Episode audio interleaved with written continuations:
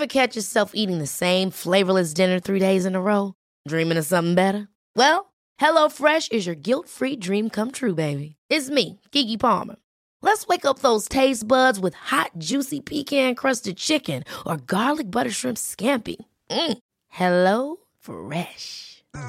Stop dreaming of all the delicious possibilities and dig in at HelloFresh.com. Let's get this dinner party started. Imagine the softest sheets you've ever felt. Now imagine them getting even softer over time. That's what you'll feel with Bowl and Branch's organic cotton sheets. In a recent customer survey, 96% replied that Bowl and Branch sheets get softer with every wash. Start getting your best night's sleep in these sheets that get softer and softer for years to come. Try their sheets with a 30-night guarantee. Plus, get 15% off your first order at bowlandbranch.com. Code BUTTERY. Exclusions apply. See site for details. I'm Sandra, and I'm just the professional your small business was looking for. But you didn't hire me because you didn't use LinkedIn jobs. LinkedIn has professionals you can't find anywhere else, including those who aren't actively looking for a new job but might be open to the perfect role, like me. In a given month, over 70% of LinkedIn users don't visit other leading job sites. So if you're not looking on LinkedIn, you'll miss out on great candidates like Sandra. Start hiring professionals like a professional. Post your free job on linkedin.com/people today.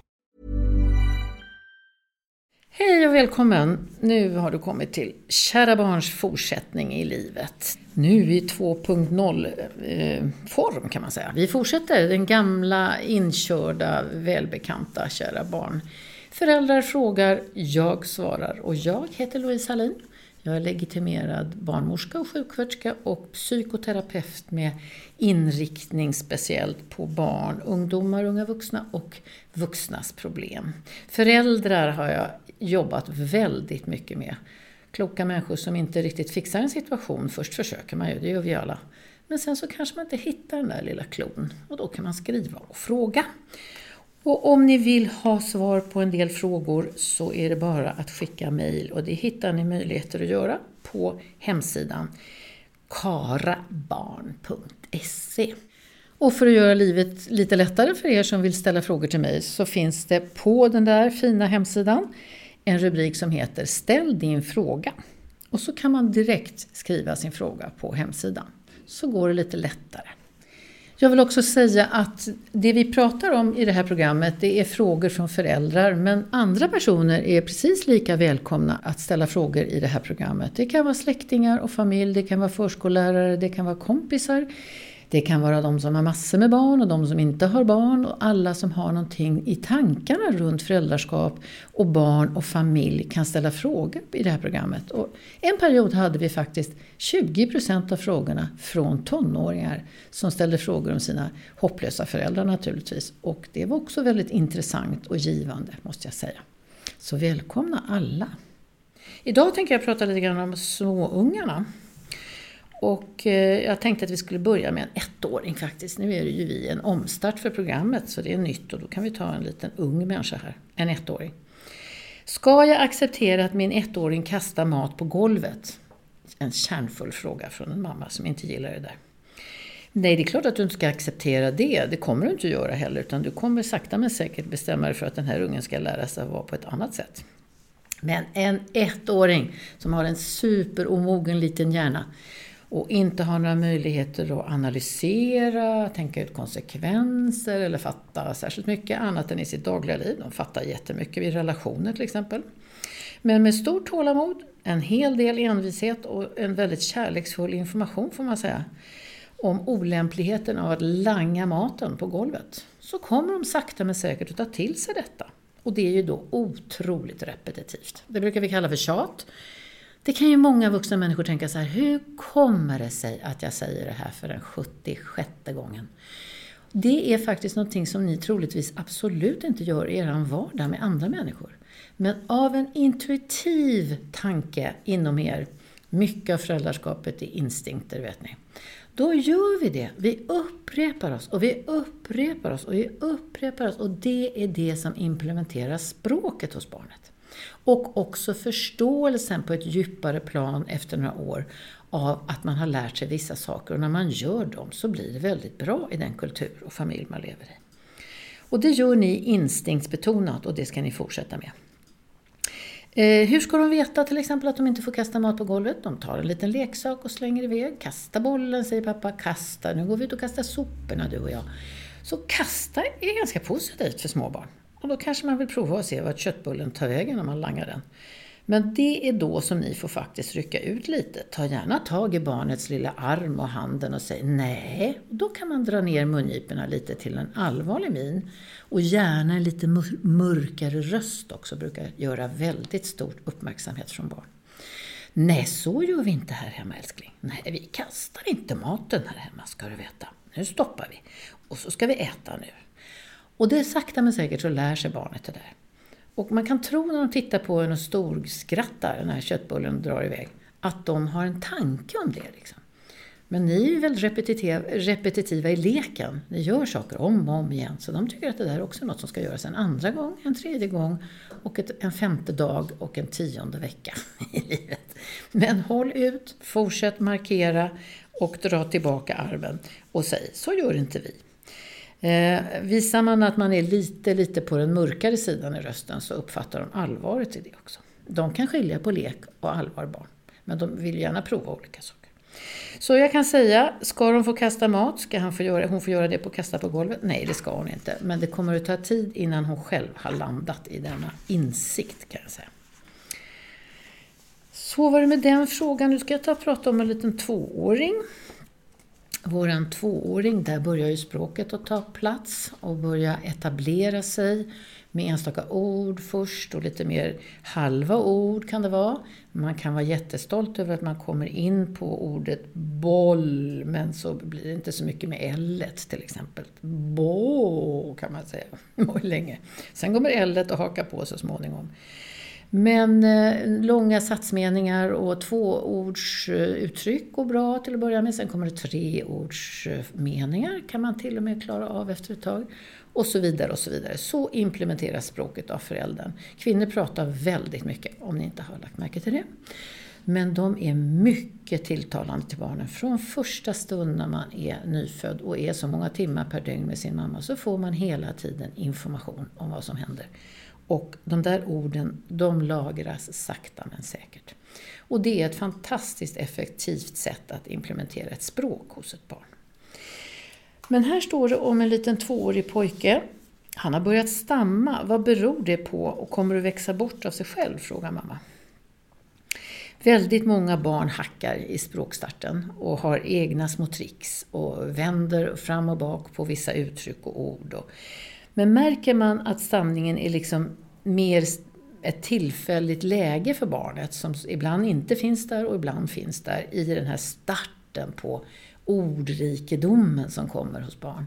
Långt innan de kommer att säga orden till er så har de ju registrerat en mängd ord. Så på förståelsesidan har de ju fantastiskt mycket ord inom sig. Ni kan ju säga nej, kom nu, ta med dig vanten, nu går vi. Nej, sitt ner. Och de vet allt det där. Så sen plötsligt så blir förmågan att uttrycka samma saker själv kommandes. Och då stockar det sig lite, särskilt hos ivriga barn. Och starka, påstridiga barn som vill göra allting på två sekunder, de kan också få en sån här, det staplar upp sig och det är inte så lätt att få ordning och reda på allt man vill säga. Och det kallar väl mer för en tillfällig stamning då skulle man kunna säga. Ibland blir ju stamning kvar och då finns det hjälp att få. Det finns något som heter en yrkesgrupp som är väldigt duktiga, heter logoped. Och det söker man genom landstingens vård eller regionernas vård. Har alla svenska medborgare rätt att besöka en logoped. Barnavårdscentralen kan ju under skoltid, alltså i åldrar, hjälpa er dit med tips och namn och platser och var man ska vända sig och så. Få kontakt helt enkelt. Ehm, om det är stress med i, i språket så kan det också ge den här lite tillfälligare stamningen. En väldigt vanlig handling hos omgivningen när barn stammar eller beter sig ungefär som stamning, det är att vi liksom vill hjälpa dem över den där stoppet som uppstod just nu i språket. Och, nej men, kanske, du menar så här, du menar så här. Och så försöker man hjälpa dem att fylla i orden och det avbryter barnets kamp med ordet. Då kan de inte längre fortsätta det och då lär de sig inte det själva. Hur får man ur sig det där svåra, konstiga ordet helt enkelt. Så att eh, avvakta, man får anslå tid. Om barn har det stolpigt med språket i början, då måste de få mycket tid och avsluta aldrig meningen åt dem. Det är vad jag säger om den här lilla tvååringen. Jag tror faktiskt att han, han kommer att hantera det där så småningom. Det var det. Nu ska vi ta prata lite grann om hur barn beter sig och kan bete sig och hur det är för barnet. Hur påverkas ett litet barn av att byta förskola? Och eh, det beror ju jättemycket på olika saker. En sak som händer som jag inte tror vuxna tänker så väldigt mycket på, det är att barn i 3-4 års åldern framförallt, de har redan hunnit etablera mycket relationer på sitt för, sin förskola. De kan ha en bästis, de kan ha flera bästisar, de kan ha en grupp, de kan ha en enda person som betyder fantastiskt mycket för dem. Och trots vad vi vuxna tror så kan barn också vara oerhört förälskade i en annan liten människa, ha en oerhörd liksom, tillhörighetskänsla. Att de personerna blir så viktiga för det här barnet. Och när man då separerar barnet utan några större åtgärder när det gäller de här svå, starka relationerna som de befinner sig i, då blir det inte bra. Så har man uppfattat att det finns några eller någon stark relation för barnet som ska flytta till ett annan förskola, då ska man vara väldigt noga med att förbereda det. Både att samtala om det med barnet, också samtala om det med de andra föräldrarna och det barnet som de, de som har den här nära relationen med. Man försöker bygga en liten plan. Om man inte ska flytta till Hongkong så kanske man kan se till att man kan ses lite. Och att man sakta men säkert kanske måste skruva ner relationen för att det kan vara lite väl långt avstånd. Men det går inte över en natt. Det är ingen akut separation för barnet. Så då kan man mildra effekterna av att avbryta en väldigt viktig relation för ett barn. Det pratar ju inte barnen riktigt om. De kan bara visa sin sorg och det är riktig sorg de kan känna. Och riktig oro och riktig ångest över att de har blivit övergivna av sin bästa och viktigaste. Och det måste man visa liksom stor förståelse för. Och själv också kanske ta upp och fiska lite. Är det, är det här någonting du skulle vilja prata om älskling? Jag förstår ju det. Mamma och pappa har bestämt att vi ska byta skola. Och det är för att vi är vuxna. Vi har levt längre än du. Och det gör att vi vet en del saker som du inte vet ännu. Och vi har varit tvungna att ta det här beslutet. Men vi vill jättegärna att det ska bli bra för dig. Och det handlar inte så mycket om det är bra eller dålig förskola. Det kan bara vara föräldrar som har fått jobb någon annanstans och sådär. Men man måste ju alltid förbereda ungarna på det där. Man kan inte bara säga nu är det sista dagen på dagis så nu ska vi gå hem. Det går inte. Utan jag är säker på att ni gör så. Jag är säker på att ni bekymrar er. Och det är så bra med föräldrar för de bekymrar sig hela tiden. Och då kommer de alltid på den bästa lösningen. Frustrationer, kära publik. Frustrationer är det som får er att röra på er. Frustrationer är det som får er att ta klivet fast det känns motigt. Det är frustrationer som får er att våga hoppa till den andra tuvan även om man är livrädd. Det är inte hela, rena, lyckliga, tjocka, feta, rika människor som hoppar på tuvor. Det gör de inte. De utvecklas sällan särskilt mycket. Så, frustrationer är till för att gran, liksom, granska sitt liv. Och där det skaver någonstans, där måste man göra någonting åt det. Och när man flyttar ska man ju förstås inte fråga sina barn om de vill flytta. Det är ju inget bra drag kan jag säga. För att svaret är helt givet. De vill absolut inte flytta. Kan jag säga. Oavsett hur de har det i stort sett så är de väldigt konservativa. För de kan inte föreställa sig nästa värld. Och då är det klart att man inte vill ge upp den man har. Och det är också helt orimligt att fråga människor som ingen makt har om de godkänner de vuxnas beslut. Utan man ska våga ha sin tydliga hierarki i hemmet. Föräldrarna högst upp, barnen och sist papegojan. Och ni följer oss, för det är vi som leder. Och då blir barn väldigt trygga. Sen ska de ha rätten till protester. När man levererar ett beslut som man själv har tagit och barnet inte tycker att det är någon vidare bra idé, då får man stå ut med protesterna. Och så bara bekräfta dem hos barnet. Och bekräfta människor, det gör man genom att upprepa det sista de sa i princip. Ja, du är jättedum mamma. Ja, jag hör att du tycker att jag är dum nu och jag kan till och med förstå det älskling. Och ändå blir det på det här sättet för vi var tvungna att ta ett sådant beslut. Vad tycker du man ska göra? Så får de åtminstone prata om hur de känner och tänker. De har redan lösningar på det. Ni kan flytta men jag tänker bo kvar hos Putte. Kan det komma? Utan att blinka. Men eh, då får man försöka korrigera den där verkligheten också lite. Det är ju förstås en idé, vilket det ju är. Men vi kanske kan prata med Puttes föräldrar. Men vad ska jag göra? Jag kommer ju längta ihjäl mig efter dig. Mm -hmm, jaha, då kanske det inte går. Och så vidare och så vidare. Säg, låt dem säga allt. Om de får göra det så stannar ingenting kvar där inne och då går övergången mycket bättre. Det var det. Tack för den frågan, den tycker jag var väldigt bra. Det är liksom sånt där som man själv går och grubblar på hela tiden. Eh, en mamma skriver här, ett, en, nu är det en ny fråga. Jag känner att jag inte är någon bra mamma. Jag är alltid så trött. Jag orkar inte med min dotter. Jag får aldrig någon avlastning. Hur ska jag få hjälp? Vad ska jag göra?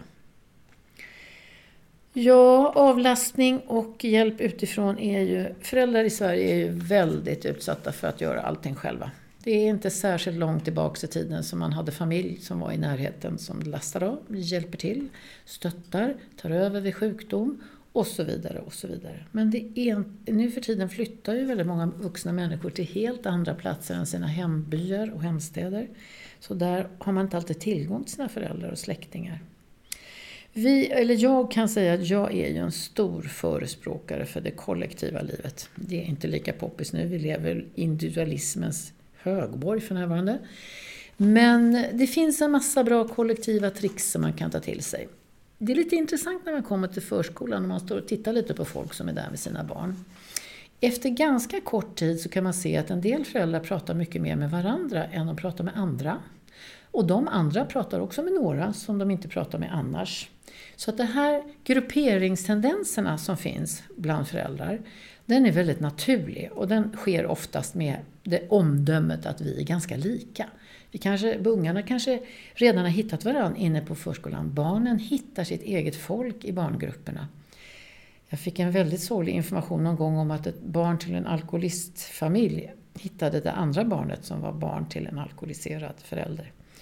Och det är tecken, mikroskopiska tecken på beteendet som gör att vi känner igen oss i en annan människa och där blir vi trygga och då söker vi oss dit. Och inte sällan tycker vi då, vi föräldrar, att den här fina flickan som vi nu har lärt känna, hon har ju så kul föräldrar.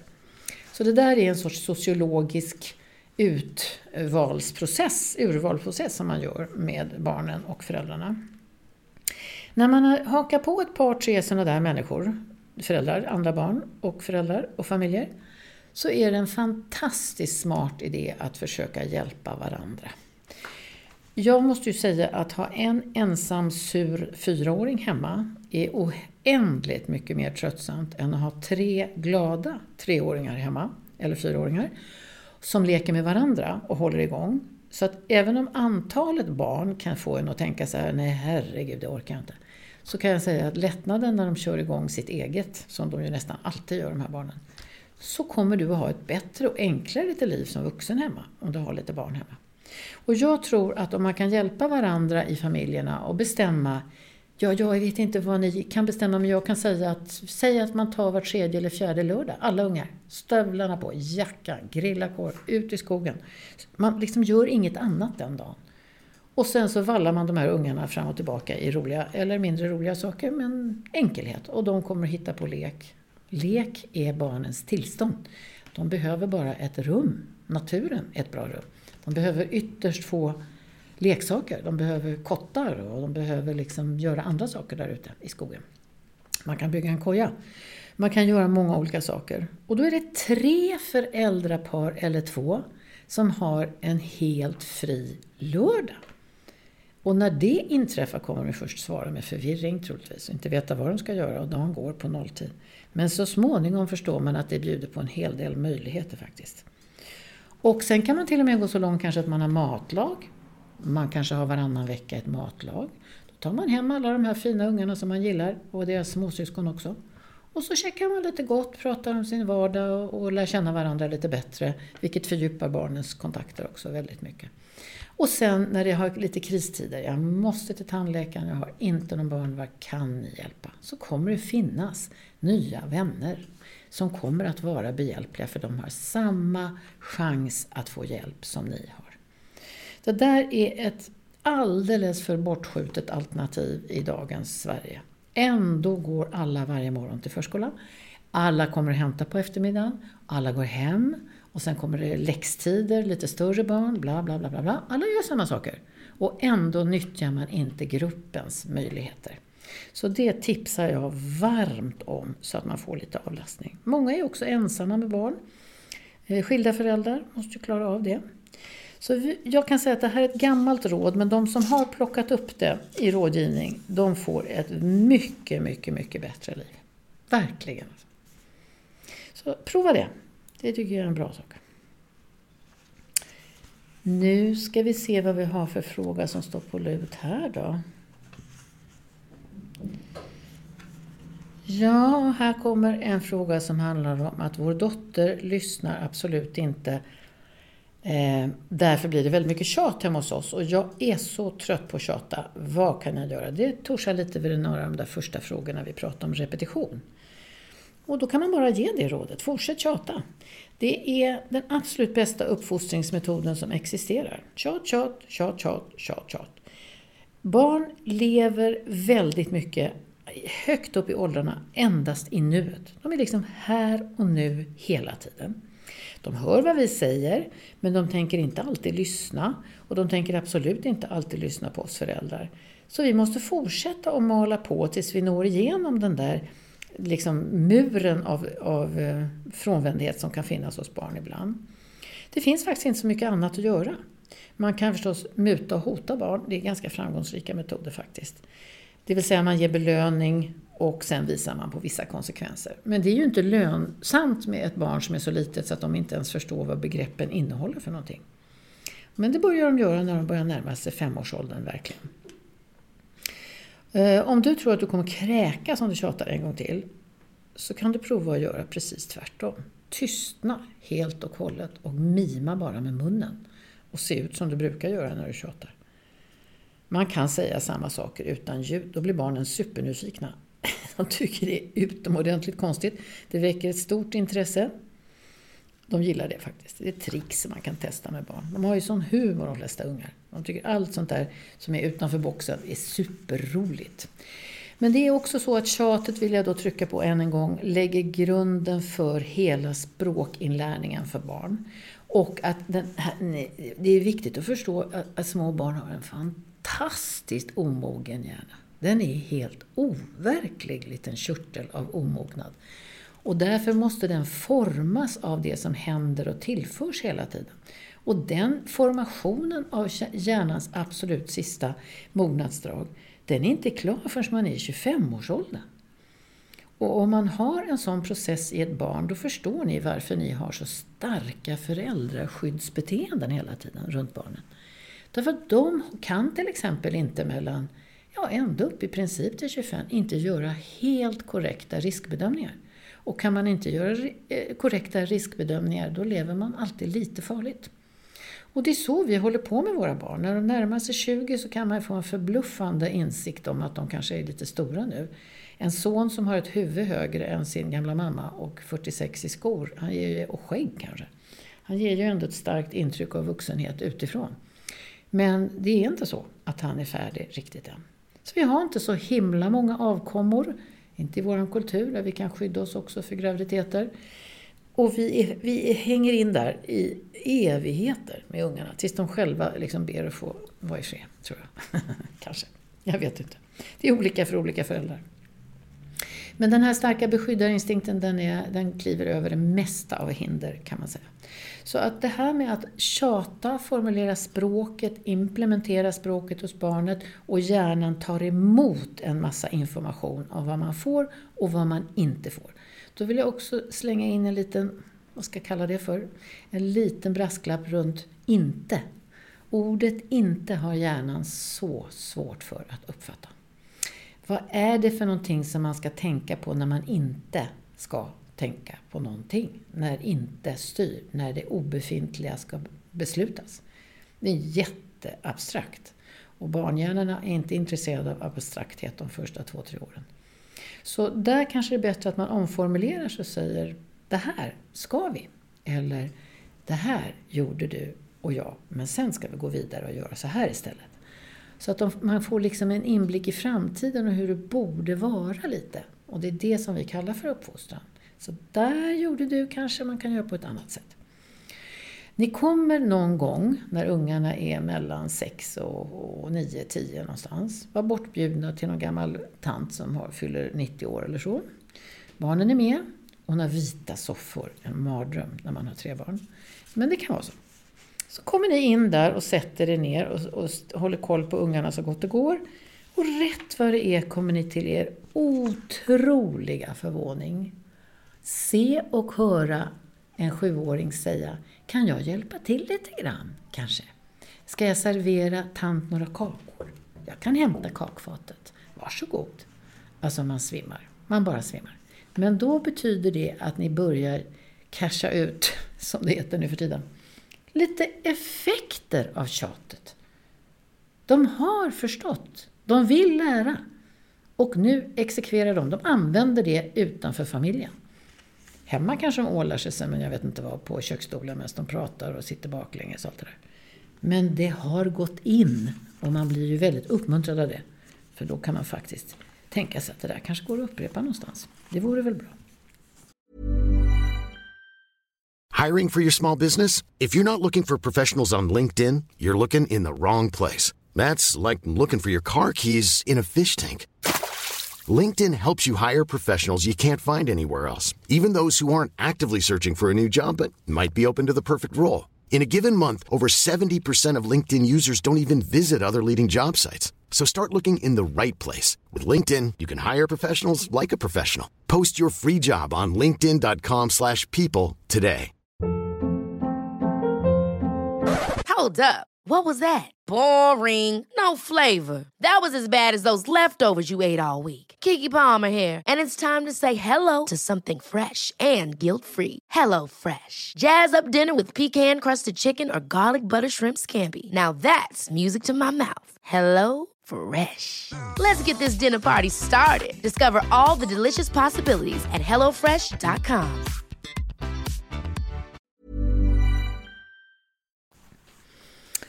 Det blir mycket prat där om det. Jag tänkte vi skulle ta någon fråga här. Våran son står det här, han är tre år. Han har slutat med napp och han har svårt att komma till ro. Vad kan vi göra? Detta tjat om att sluta med nappen, ja, jag är lite tudelad i åsikterna och nu kommer jag att leverera dem också. Eh, jag har försökt hitta material där människors tänder är skadade av att de har sugit på napp och det hittar inte jag. Och då funderar jag på, var kommer det här tjatet om att man måste sluta när man är tre år? Vad är det för någonting? Ja, det finns ju en, alltså en tumsugning är någonting som inte är så fiffigt att fortsätta med upp i åldrarna. För att tummen passar så fantastiskt bra i gomtaket. Som är alldeles mjukt och oförbenat hos lite mindre barn. Så suger man på tummen, den släpper man inte ifrån sig frivilligt, den är ju med överallt också. Då betyder det att man kan få ett väldigt starkt vakuum i suget. Och då blir det väldigt stor press på gomtaket. Och då kommer det att expandera lite uppåt i munhålan. Och då kommer tänderna att tryckas lite inåt. Där är det ändå en konkret effekt av sugbeteendet. Men barn å andra sidan som suger på tummen, de har inte tid med det när de leker. De springer runt med nappar ibland, men man springer inte runt med tummen i munnen, för det har man inte tid med när man leker. Den samlade vetenskapen kommer säkert att kunna leverera mycket mer beslutsamma åsikter om det där, men i Sverige försöker vi sluta i alla fall, enligt tandläkarråd från tidigare generationer åtminstone, med nappen i treårsåldern. Jag ska faktiskt forska vidare på det där lite grann och se vad jag kan hitta internationellt. Men när man då tar bort den här nappen, då försvinner ju en extremt härlig och ständigt tillgänglig god vän för barnet. Så att sluta med napp är nästan alltid behäftat med sorg. Och den är på allvar. Eh, det ni behöver göra är ju att ersätta nappen, inte med något i munnen, utan ersätta med att bestämma er för att Vet du vad? Jag tycker att nu när du inte ska ha nappen så tänker mamma att det kanske är jättemysigt om du somnar i mammas och pappas säng. Det, då hör man bara hur människor drar efter andan och blir helt matta för de har precis fått ut honom ur sängen. Men hög fysisk närvaro bredvid barnet är jätteviktigt för den där lille palten som nu blir övergiven av sin bästa vän. Och det finns inget som tröstar mer än att man får ha sina gosedjur och nappen är också som gosedjuren ett sorts övergångsobjekt kallas det fint i alla tjusiga psykologböcker. Att man liksom laddar upp en del ting och nappen är ett sånt ting och gosedjuret och trasan och älsklingskudden och allt är sådana ting. Och då betyder det att man kanske, ja det är väldigt svårt att göra sig av med det där. Det är en trygghet som rubbas i grunden. Men man vänjer sig. Och det är precis vad barnen gör. Efterhand så vänjer de sig vid den här hemskheten. Och det är också någonting som man kan tänka på. Det tar bara tid. En av våra bristprodukter här i nutid. Men det tar faktiskt bara tid. Och en öppen inställning till barnets alla gråtstunder kanske. De blir kraftiga i början och sen mattas de av lite. Sorgen som är av annan karaktär men väldigt frisk. Ja, så blev det. Ja, hur ska vi göra? Kan vi göra någon ritual? Ska vi lägga dem på en särskild plats? Och vad tror du att de tänker, napparna? Och hur ska vi tänka nu, du och jag? Och så. Invitera barnet ändå till lösningspratet. För att ni står ju då för den fruktansvärda faktat bakom detta. Man måste sluta med nappen. Så då tänker jag tålamod, invitationer. Jag kan ligga hos dig, du kan ligga hos mig. Det är vad jag skulle råda er att tänka på. Ja, då ska vi se här. Vad ska vi ta härnäst? Kan en femåring följa med på begravning har jag fått ett mejl om här. Ja, absolut. Nu kommer ni få tåla en, eh, ganska mycket prat här om Sverige och döden faktiskt, om ni ursäktar. Vad vi nu gör i den här kulturen så är det som att vi håller på att sudda ut döden därför att ritualerna blir allt mer distanserade skulle jag säga. Barnen får liksom aldrig träffa liket nu för tiden. Så det är någonting som människor inte kan relatera till. De vuxna kan inte heller relatera till det. Vi har tagit bort öppna kistor i Sverige. Och om man inte begär det, då tror jag faktiskt att man har rätt till det fortfarande. Men det är ingen som begär det. Det är lite för mycket för de flesta svenskar i modern tid. Men det är också någonting väldigt viktigt för barn i deras speciella lilla värld. Att se att en person har förlorat allt från temperatur till rörelser och läten. Men vi andas ju hela tiden och vi rör oss och vi blinkar och så. Vi pratar med barnen om det och vi pratar om döden. Man får hoppas att de flesta barn får vara med när mormor och farfar dör inne på sjukhuset. Det är ju det väldigt vanligt i Sverige. Det är ju inte så många som får dö i hemmet. Men att ungarna har fått vara med i de stunderna och förstå livets flykt ut ur en människa. Och att alla är med betyder också att vi förstår det här. Vi ser det här. Det händer. Vi är jätteledsna. För vi vill inte att vovven ska dö eller mormor ska dö. Men vi måste börja förstå det som en jättestor förlust.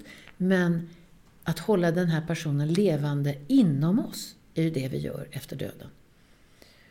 Så att jag befarar att rationella begravningsritualer också fjärmar den inre hågkomsten av människan som har dött.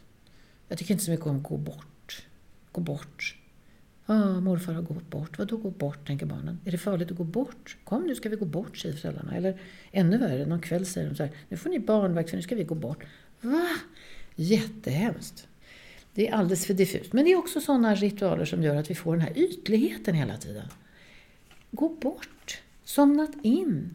Nu ska du sova, säger vi till våra barn. Aldrig i livet, tänker ungen. Det verkar livsfarligt. Så man får tänka lite på språket. Så mitt, min önskebegravning är att barn är alltid med. Alla åldrar, alltid. Och att det kunde vara öppen kista. Och sen i övrigt följa ritualer som vi är vana vid. Och sen att föräldrar, barn, alla får bära kistan ut till bilen tillsammans och göra själva, klä på själva och göra fint och stoppa ner viktiga saker i kistan innan man stänger den och sånt där. Så jag, jag vurmar för detta, relativt ohörd kan jag säga att jag är i dagsläget. Men på frågan, kan en femåring följa med på begravning? Absolut!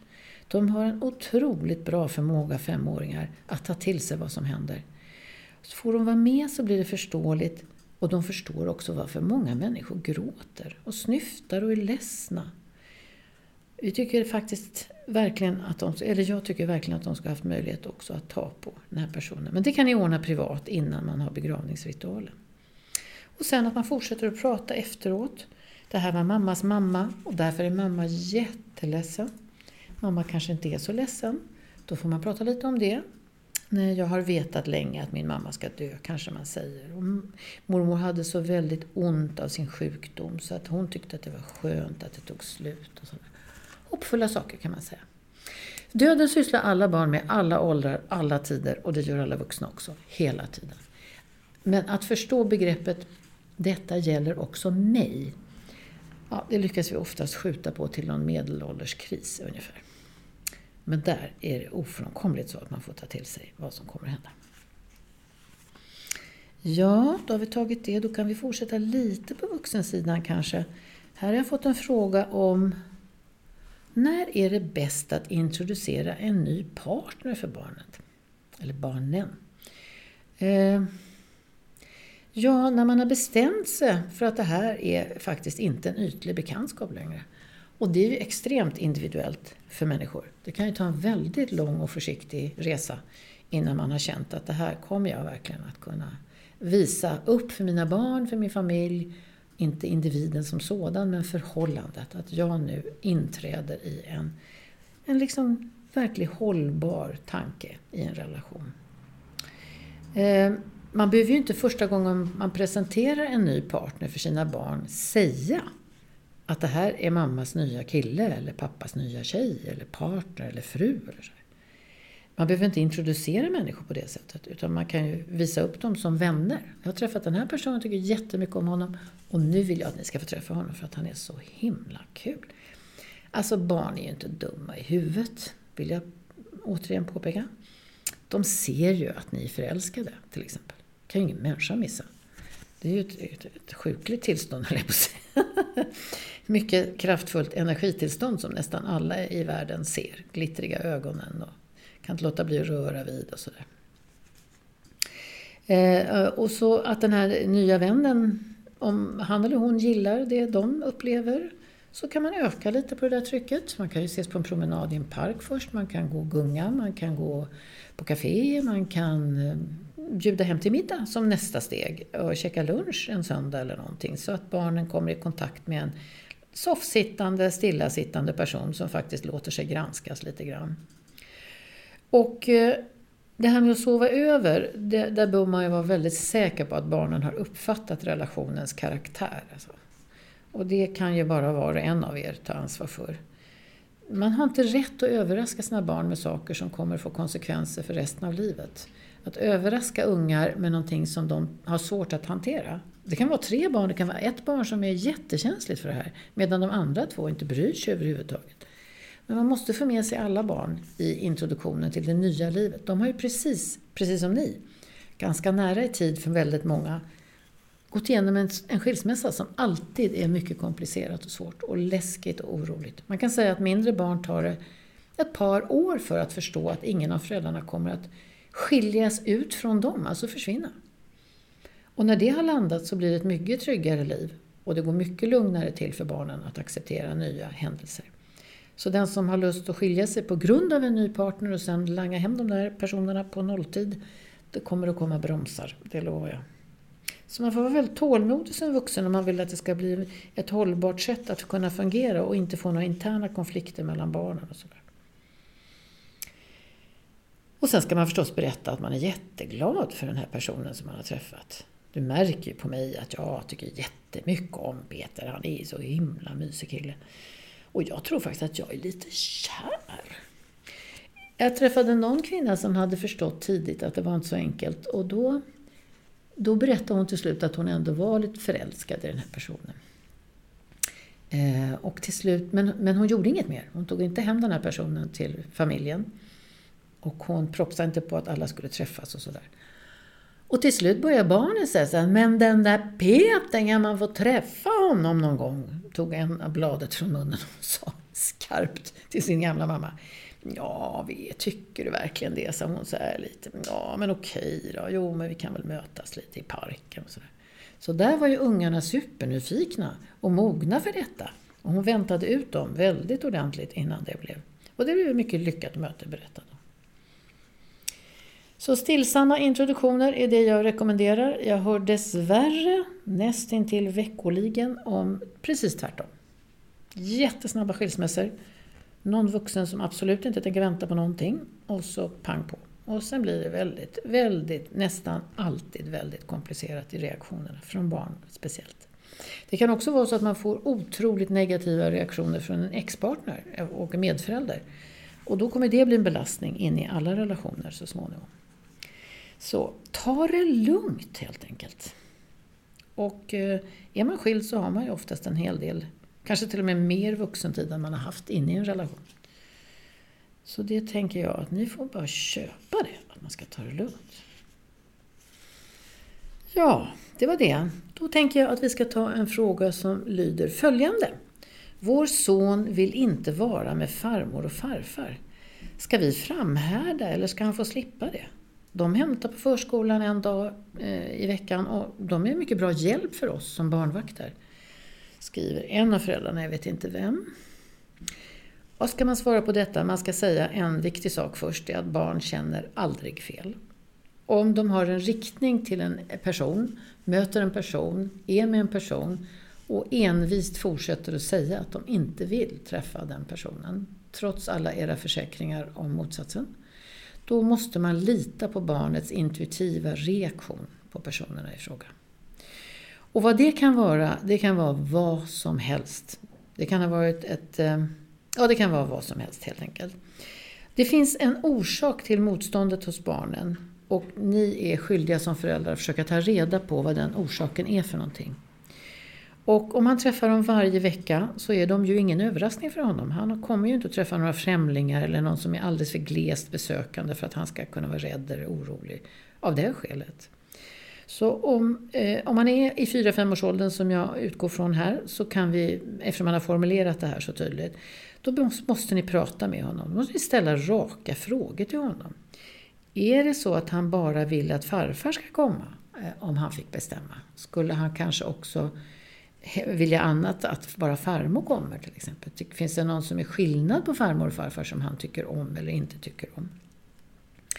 Och eh, det kanske är så att någon av dem kanske är lite för kärv mot honom, kanske lite för petimeter med honom, kanske för nejsägande med honom, kanske för förbjudande mot honom. Kanske sätt som ni anar finns hos en av de här farföräldrarna, eh, för att någon av er är ju barn till dem själv. Och att det är kanske någonting ni själva inte gillar med den personen. Och det är högst troligt att när det kommer nya mindre barn i en familj, då kommer de att fortsätta det beteendet. För de har gjort det ett helt liv med sina egna ungar. Och eh, fråga också farmor och farfar, vad tänker ni om det här? Att eran, ert barnbarn här inte vill träffa er så mycket. Att han säger det med egna ord. Det måste ju ligga ett problem någonstans. Det kräver ju ett visst mod alltså. Det är inte säkert att man har vågat prata öppet i en familj om allting. En del familjer är jätteöppna, har språk för allting och inte rädda. Andra familjer är helt slutna. Man pratar inte, vi pratar inte om problem för vi har inga problem helt enkelt. Så bra var det med det. Så att man får vara, ett, man får vara starkt beslutsam inom sig innan man kliver igång ett sånt här steg att börja prata. Och ett bra sätt att starta ett sånt samtal är väl att säga att jag känner mig jättebekymrad för några saker. För en sak den här saken. Och jag har lagt märke till och han formulerar sig så här och han är motstridig. Och jag vet inte riktigt hur han är när ni hämtar honom på förskolan, om han är glad eller ledsen eller hur det är. Men det kan väl ni berätta för mig. Men någonting är det som har gjort att han säger så här. Jag vill inte. Och jag, jag är hans mamma och pappa och nu måste vi ta reda på orsaken till det här. Och med respekt för barnet då som inte i princip känner fel kan man säga. Det behöver ju inte vara att det har hänt något fruktansvärt, att det är våld med i spelet eller tvång eller vad som helst. Utan det kan mycket hellre bara vara en, någon, någon sak som barnet verkligen inte tycker om. Det kan vara kritik, det kan vara styrning, det kan vara eh, ointresse, det kan vara ja, många saker. Nej, du äter upp på tallriken och sådana saker. Så ta reda på det, det är mitt råd till er. Nu ska jag ta den sista frågan här. Eh, det tror jag att vi ska bestämma oss för en lite kortare fråga så här. Som jag kunde se här. Borsta tänderna. Hon vägrar borsta tänderna. Vi bråkar och bråkar, det tar en halvtimme varje gång. Vad ska man göra? Det är, det är faktiskt fiffigt att gå på ett tandläkarbesök. Och då har ni liksom en, ett ombud i en bransch som inte går av för hacker när det gäller regler och måste. Det kan man säga. De är duktiga på att presentera det. Eh, de pratar ju jättemycket om tandborstningen. De kommer att kunna ge henne en annan typ av insikt i hur viktigt det är att borsta tänder.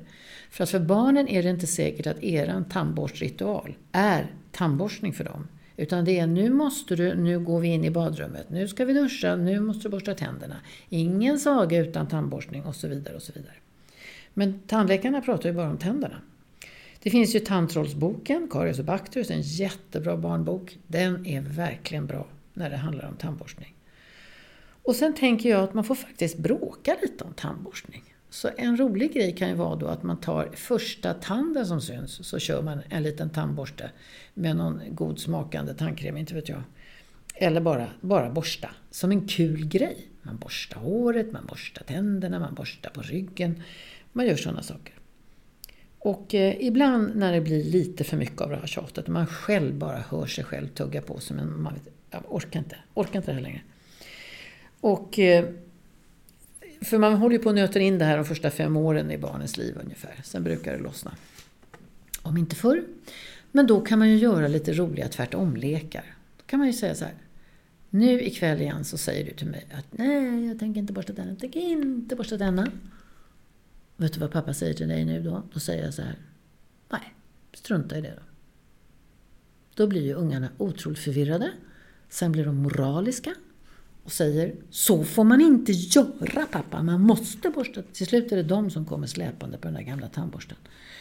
En tvärtom-aktivitet väcker alltid stor undran hos barnet. De har en stor trygghet i att ni mal på med samma grejer hela tiden. Och plötsligt så säger du Nej, jag bryr mig inte.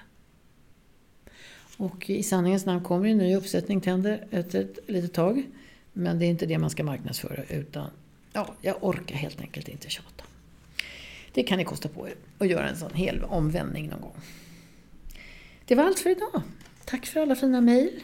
Ni frågar himla bra saker tycker jag. Och nu handlade det om småbarnen idag. På återhörande i nästa avsnitt som kommer om två veckor. Hej då! Have catch yourself eating the same flavorless dinner three days in a row?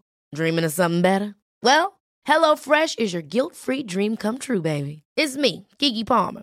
Let's wake up those taste buds with hot, juicy pecan crusted chicken or garlic butter shrimp scampi. Mm. Hello Fresh. Stop dreaming of all the delicious possibilities and dig in at HelloFresh.com. Let's get this dinner party started. Hi, I'm Daniel, founder of Pretty Litter. Did you know cats tend to hide symptoms of sickness and pain? I learned this the hard way after losing my cat, Gingy. So I created Pretty Litter, a health monitoring litter that helps detect early signs of illness by changing colors, saving you money and potentially your cat's life. Pretty Litter is veterinarian developed, and it's the easiest way to keep tabs on your fur baby's health right at home. Go to prettylitter.com and use code ACAST for 20% off your first order and a free cat toy. Terms and conditions apply. See site for details. Planning for your next trip? Elevate your travel style with Quince. Quince has all the jet setting essentials you'll want for your next getaway, like European linen, premium luggage options, buttery soft Italian leather bags, and so much more. And is all priced at 50 to 80% less than similar brands. Plus, Quince only works with factories that use safe and ethical manufacturing practices. Pack your bags with high-quality essentials you'll be wearing for vacations to come with Quince. Go to quince.com slash pack for free shipping and 365-day returns.